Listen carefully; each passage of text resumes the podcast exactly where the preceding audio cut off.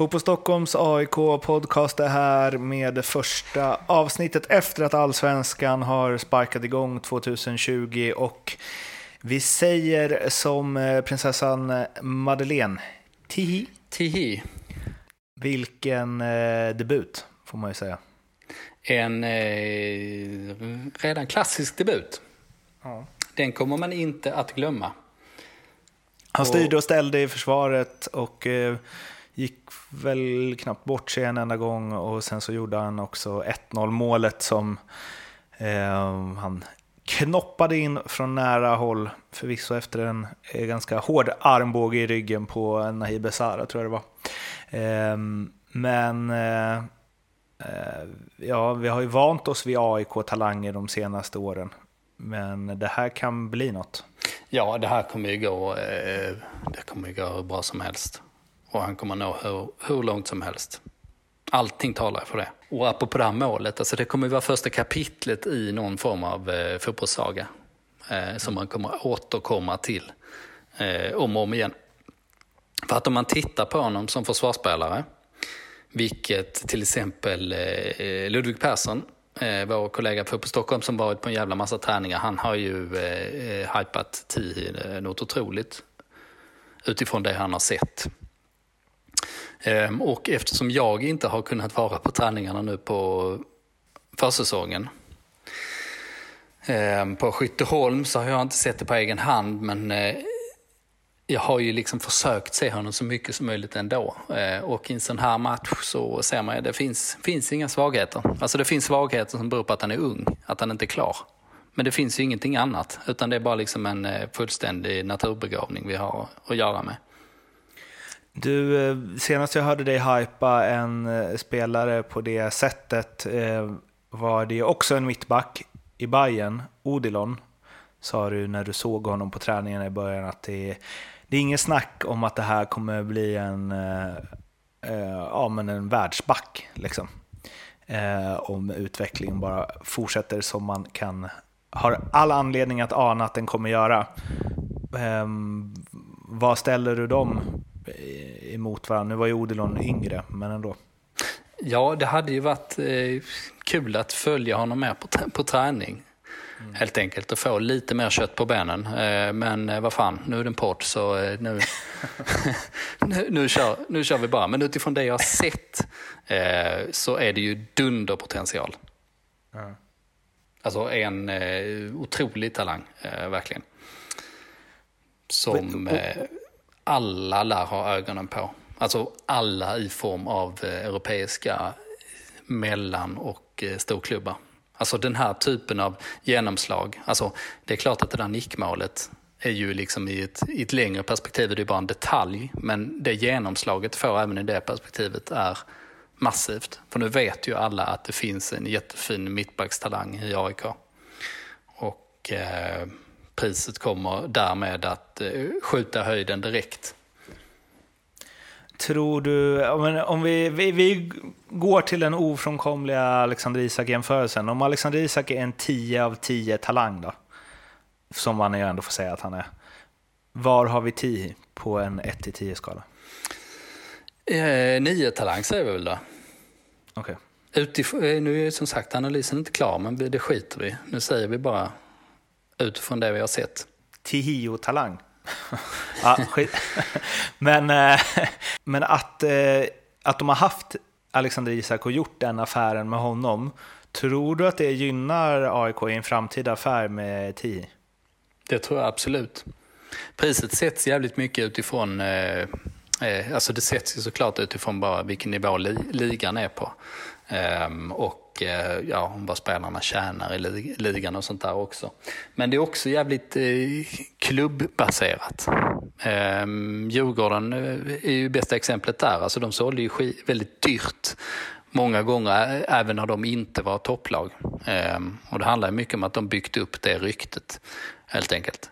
Ehm, så att, att AIK har sålt Isak för de där pengarna, alltså nästan 100 miljoner totalt, det är klart att det är en faktor som spelar roll.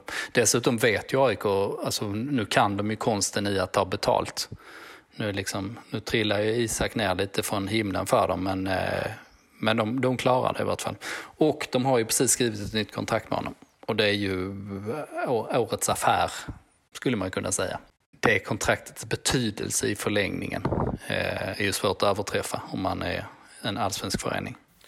Det blir väldigt spekulativt det här, men säg att han fortsätter i övertygande eh, anda hela säsongen. Han skulle ju kunna bli aktuell för en flytt efter det här året i sådana fall. Vad är han värd då, tror du?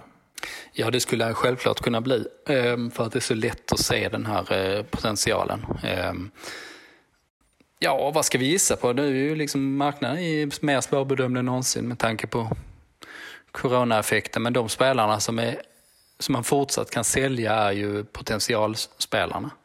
Så liksom, ja, vi skrev ju så, men kan de få 30 mille, kan de få 50 mille liksom? Ja, eh, det skulle man kunna se framför sig.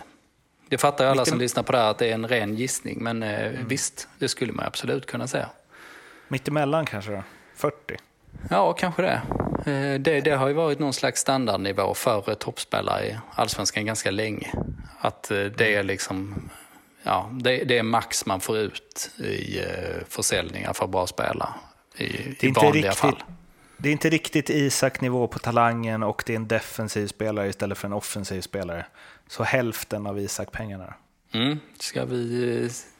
Det, det vi slå fast det? Ska vi slå fast det, ja. och ja. konstatera att i så fall så är det ju en eh, helt fantastisk affär eh, eftersom man kommer från egna leden och eh, eh de, den ja, de ekonomiska förutsättningarna är eh, tuffare än någonsin. Det, det, skulle ju kunna vara en sån affär som gör att liksom, saker och ting rullar på eh, så, så, som det brukar göra, trots allt. Samtidigt som många av de närmsta konkurrenterna verkligen krisar med stora bokstäver. Det var fler spelare än tio på planen i den här premiären eh, och vi ska eh, bryta ner den lite till. En anledning till att man såg hur bra Robin Tie är var ju att det var ett AIK som hade lite strul med Örebro, framförallt i första halvlek. Eh, det var två bra lägen, jag tror det var eh, mm, Jack Lane första och eh, var det Nordin Gerzic på andra. Där eh, eh, Haugard gjorde två kanonräddningar och i ärlighetens namn ska vi väl AIK vara ganska glada att de Eh, kom undan med en nolla från de första 45. Eh, men sen så arbetade sig in i matchen. Eh, Tihi gjorde det här målet och det var ju... Ja, det kanske skulle ha varit avblåst och ja, möjligtvis att Örebro till och med skulle kunna haft en straff i en sekvens strax innan. Men att allt liksom spelade AIK i händerna på det sättet då gjorde, det var eh, klassakt av nya målvakten två gånger om. Eh, individuell prestation där som liksom räddade upp det, så blir det någonstans att eh, ja, men det, det är väl så här bra lag gör, tänker jag. De vinner sådana här matcher på ungefär det sättet. Ja, det är en AIK-specialitet om inte annat. Mm. Jag tänkte ju som så, inför matchen att eh, vi har ju pratat om det att, att det här är året när de ska göra den här omsvängningen, apropå min SM-guld 2022-spaning. Ehm, och i efterhand så var det ju den, det var ju den perfekta premiären i så fall. För nu fick ju alla de unga spelarna chansen från start. Mm. Eh, vilket eh, med tanke på den eh, ja, otroliga potentialen som det finns samlat där eh, kommer, kommer gynna AIK på, på längre sikt så det bara, så det bara sjunger om det. Eh, men jag tänkte också, så jag, så jag, tänkte att det var jävligt intressant givetvis att se alla de här spelarna ehm, och att man vågade göra det. Men det kändes också som att det var en, det skulle bli tufft det här, alltså med den här eh, uppställningen som man hade. Jag tyckte att alltså man ändå har no, eh, relativt offensiva eh, wingbackar, det är inga ytterbackstyper precis. Ehm, samtidigt som man inte har Ado som defensiv mittfältare utan man har Ford Sebastian Larsson. Alltså det är, ju, det är ju så hög klass det kan bli men det är inte riktigt där ankaret ändå eh, på mitten. Ehm, och dessutom då att man spelade med eh, en orutinerad backlinje, en ny ny keeper så kändes det som att risken skulle ju vara att de släppte till de här ytorna som, ja, i de, de matcherna som inte fungerade i fjol. Det var ju för att man tappade eh, ytan med, med, mellan backlinje och mittfält. Och jag, och jag tänkte att det skulle nu kunna, fanns en risk att det skulle kunna bli på det här sättet. Eh, vilket det, det blev väl det till, till viss del. Eh, men att man reder ut det här och tar en 2-0 eh, är ju jävligt starkt. Alltså att den typiska AIK-faktorn finns även om man spelar med liksom en 17-åring där framme, en 18-åring som försvarschef och mm. Bilal på en kant och Ylle Topa är fortfarande en, en liten junis nästan. Mm. Ja, det är imponerande trots allt. Väldigt, eh, man blir liksom pepp när man såg eh, elvan de skulle mönstra och Eh, ännu mer än Robin Tii kanske, i alla fall jag var sugen på Paulus Abraham och se vad han kunde uträtta. Och han gjorde ju en, ja, alltså han gjorde ju så som en 17-årings debut i allsvenskan bör se ut, typ. Eh, han sprang mycket, han försökte skapa chanser, lite ivrig ibland, beslutsfattandet sisådär. Men ändå en jäkla glöd och kreativitet och lekfullhet, även om det inte alltid gick hem. Men det var väl han som eh, nuddade bollen sist innan Asanis 2-0 mål, om jag inte är snett på det. Eh, och han fick ju spela hela matchen. Eh, men, med det sagt, här, han kommer ju bli jättebra förmodligen. Och det var en liksom, ja, helt okej okay debut. Mm, och det är en tradig jämförelse kanske, men om man tittar på hur det såg ut när Alexander Isak spelade då som 16-åring som forward i AIK, så alltså rörelsemönstret och så här lugnet och smartnessen, eh, där Paulus Abraham är bra för att vara 17-åring, men det visar ju så tydligt hur sjukt bra Alexander Isak var. Ja, det blir orättvist att jämföra med honom.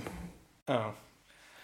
Men att här, Alexander Isak rörde sig som en rutinerad allsvensk forward direkt när han var 16. Medan Abraham är ju så här, man ser att det är en pojke liksom. Eh, som är jävligt duktig, men så här, det, ja, jag bara slogs av det. Att så här, nu i efterhand, wow, det man såg med Isak. Mm. Ja, verkligen. Eh, det det är ju en på miljonen eh, den där Isak såklart. Men, eh, men, eh, och Paulus, jag tror inte att... Alltså nu kommer ju han ju konkurrera med Nabil om inte allt för länge. Och då kommer han ju vara nummer två. Men däremot tror jag han kommer få mycket speltid. Älskar att han fick Total... spela, att han inte var en av dem som byttes ut också. Ja, det säger ju någonting.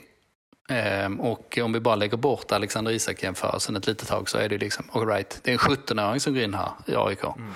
Spelar 90 minuter i en allsvensk premiär. Mm. Ehm, det är ju någonting. Och eh, nej, Paulus Abraham är ju alltså, jättetalang också. Det är liksom, man behöver inte gardera sig särskilt mycket där heller. Jag håller med om dina spaningar helt och hållet. Ehm, och potentialen är ju jättestor. Det, det är väldigt lätt att se. Jag skulle säga det, liksom, det härliga i att han fick den eh, chansen och tog den helt okej. Okay, eh, tillsammans med tio som vi redan avhandlat förstås. Eh, Havgård som jag tror är, eh, ja vilken eh, perfekt värvning. Eh, så stabil, inger så mycket trygghet, lugn. Alltså, Oskar Linnér fick eh, mycket oförtjänt skit för att han gjorde tabbar i fel matcher, eller vad man ska säga. Men det finns ändå något med Haugard, hans utstrålning som är liksom eh, ja, total trygghet. Eh, det skulle jag väl säga är eh, de mest eh, positiva grejerna för AIK från den här premiären. Men jag har mm. några negativa också. Mm. Jag ska bara skjuta in en sak med Haugard. Mm. Han är ju väldigt rutinerad, men han har ju ingen erfarenhet. Nej. Du menar att han inte har inte upplevt så mycket?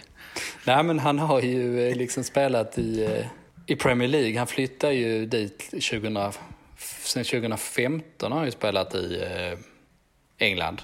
Och då gick han ju ändå dit när han var i en, i en hyfsad ålder. Men han har ju knappt några A-lagssäsonger. Jag, jag, tror faktiskt jag tror han har en A-lagssäsong där han stod de flesta matcherna i Danmark.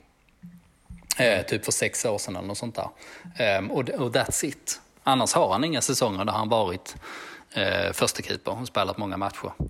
Så eh, det är ju, alltså, för att ha ett sånt starkt CV om man bara skummar det snabbt som fan. Så är det ganska svagt. Precis. Nej, AIK kan ju definitivt ha träffat rätt där. För det är klart man tvivlar ju lite på liksom, ja, men hur påverkas en målvakt av att inte spela på så länge? Eh, och har han inte kanske, var han lite överskattad när han var yngre då, liksom, om han eh, eh, ändå kom till de sammanhangen men sen inte fått chansen att slå igenom och så vidare. Eller är han bara okay, en jävligt eh, duktig målvakt som inte riktigt håller den nivån? Det har ju vi sett. Liksom. Alltså Kristoffer Nordfeldt har ju liksom varit landslagsman eh, i många år. Han är ju alltid med i trupperna. Men har ju suttit på bänken i en evighet i England till exempel. Känns som du ska vara så jävla bra i keeper om du ska vara liksom ordinarie första målvakt i Även om det är ett bottenlag i Premier League. Ja, du måste ju nästan vara uppe på världsklass då faktiskt. Mm. Så eh, ja, just nu är det väl snarare då alternativ två, att AIK har gjort en jävla fin värvning här. För man plockar ju faktiskt upp honom gratis efter att han provspelat och imponerat. Um, det är väl det, det det lutar åt just nu i alla fall. Men som sagt, nog med eh, positiva grejer. Nu blir det lite minus, eller i alla fall frågetecken. Så ni AIK som inte vill höra det kan ju spola framåt. Eh, men eh, dels Sebastian Larsson som ju blir ett lite konstigt minus för att han är ju liksom han är ju skitbra som alltid, eh, men vi var inne på det i eh, avsnittet, det första avsnittet den här säsongen att jag hade velat se honom i en mer liksom box-till-box-roll och kanske mer offensiv och eh, löp, komma till mer avslutningslägen och så vidare. I premiären var det ju helt tvärtom. Han hamnar ju väldigt långt bak. Svårt att liksom styra spelet därifrån. För det, alltså det, då får du nästan bara slå krossar. Eh, och visst, han gjorde ett bra defensivt jobb, men det känns återigen som där som att man kanske inte helt och fullt nyttjar hans, hans kvalitet, utan det blev istället att han tar den, kan inte slå, kan inte liksom komma till några farliga avgörande passningslägen, lämnar över den till Ofori som får driva upp istället.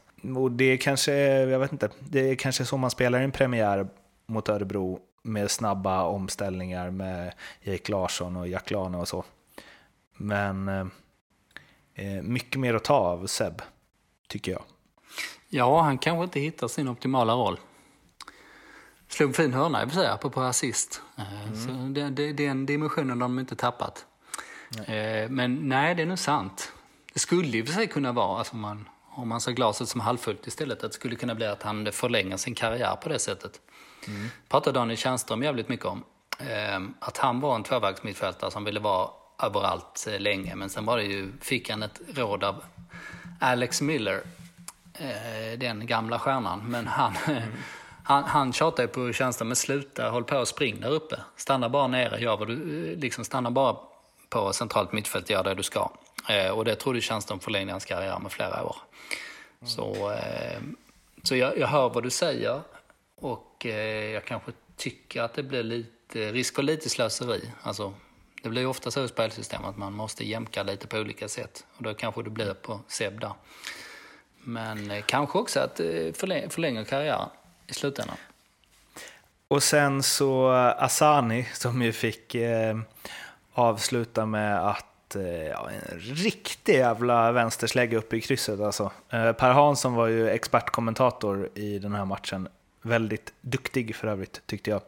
Han sa ju att, jag brukar sällan säga att eh, någonting är otagbart, men eh, den där var otagbar. Och det är liksom från så jag vet inte, skjuta så från det avståndet som han gjorde, att han verkligen fick den höjden men inte för superklass. Och hans vänsterfot har det ju snackats eh, vitt och brett om hur bra den är. Eh, och det visade det ju där, men fram till det målet, och det blir ju lätt att man liksom kommer ihåg det eftersom han gjorde det i slutet av matchen och därigenom stängde den och det var svinsnyggt. Men herregud vilka inlägg ibland alltså. Fem meter över medspelarna. Eh, och liksom att han så tar sig fram rätt bra där, skapar ganska bra inläggslägen till sig själv och sen bara tjoff. Eh, på, på, ett sätt jag måste säga att det inte är superofta man ser i topplag i allsvenskan. Eh, att man sprider dem på det sättet. Ehm, Nej. Och jag vet inte, jävligt... Eh, alltså det var en så tydlig så här, nästan ett plus som blir nästan tre plus för att han gjorde ett snyggt mål. Det är nog ganska typiskt eh, för honom, för han, han har ju verkligen en sån alltså, stänkare till vänsterfot. Han har sån jävla kraft i den, sån otrolig snärt i den. Men eh, problem, problem med kontrollen. Och hans avslut är ju ofta den här typen av, nu, okej okay, denna gick ju i krysset, men de här lite flackare skotten. Mm. Eh, det kanske inte är den som liksom eh, läker upp bollen i bortre krysset. Det är, inte, det är inte det han sysslar med, utan han mm. stänker till dem. Så eh, ja, där finns definitivt en hel del att kalibrera tror också det finns rätt mycket liksom, i positionsspelet att eh, prata om. Men det är tydligt att Norling gillar hans inställning och hans eh, löpförmåga och så vidare. Och att han litar på honom och har honom som en eh, wingspelare nu till exempel. Mm. Han är så bra i så här pressspel och så. Liksom. Han kanske inte alltid springer rätt, men han springer. Han gör ju det. Mycket. Mm. Ja, men det, ja, precis. Nej, men jag tror vi får vänja oss vid det, att det kommer nog pendla jävligt mycket där. Ehm, sen får vi se hur länge han stannar. Nu har han skrivit kontrakt eh, ja, över sommaren på, under den här hackiga säsongen. Så blev det lösningen. Ehm, men eh, ja, det där målet, det är klart att det ger en jäkla massa självförtroende. Han fick ju liksom, för några veckor sedan fick jag besked om att, eh, att det förmodligen inte skulle bli något i AIK. Ehm, men sen ändrades det där lite. Jag tror att det berodde delvis på Nabil, att man var inte helt säker på hans skada en dag när han skulle kunna vara tillbaks. Och så fick han chansen där och sen start med den här avslutningen. Det ändrar ju, det är som du säger, alltså det ändrar ju etiketten man sätter på honom efter premiären. Ändras ju helt efter ett eh, dunderskott på övertid. Och kanske även hans, eh, som sagt, självförtroende inför mm. nästa match. Slutligen, eh, för att runda av eh, med något som inte är så avrundligt egentligen, men det är Jesper Nyholm som inte fick nytt kontrakt av AIK och blev klar för Djurgården nu. Förstås rört upp känslor. Vi ska inte prata så mycket om det eh, för att vi känner väl att vi vet för lite än för att orda loss för mycket. Mm, precis alla får ju tycka vad de vill i sådana här lägen och folk gör ju sannoliken det. Eh, det är hela spektrat. Men eh, jag vet inte, jag brukar inte vara så generell i de här diskussionerna utan jag vill mer titta på vad som faktiskt har hänt och, jag vill, eh, och vad folk har sagt till varandra och så vidare. Och jag väl hört en del men kanske inte tillräckligt för att sitta här och vara någon slags moraldomare. Så vi kanske återkommer till det helt enkelt? Mm, det kommer vi säkert göra. Men blicka framåt lite då. Um, ehm, AIK har ju vad man skulle kunna eh, kalla ett tufft schema framöver. Det kan man väl göra utan att överdriva. eh, det är eh, Norrköping eh, och det är Derby som väntar. Mm. Och sen har vi MFF och, och sen har vi MFF. Eh, IFK Göteborg på bortaplan ja. efter det. Det är ja, tjuren vid hornen eller vad är det man säger? Ja, och, eh, ja verkligen. Och eh, jag tror ju som sagt att eh, den här uppehållet, våren och att Norling verkligen fick, alltså bara fick extremt mycket tid att gnugga in det här spelsystemet som man verkligen har velat implementera steg för steg eh, gynnar AIK mycket. Och eh, mm, alltså vinsten mot Örebro, den blir ju väldigt viktig såklart ett kryss där och liksom knacka ett facit mot, i de här riktigt tuffa matcherna, då hade det ju varit liksom, eh, lite krisstämpel redan i början. Den risken skulle man ju kunna se framför sig. Ja, det här var nog otroligt skönt för dem, för det... Ja, du vet, att det, det kan börja snackas tidigt annars. Eh, att saker inte gjorts rätt och så vidare.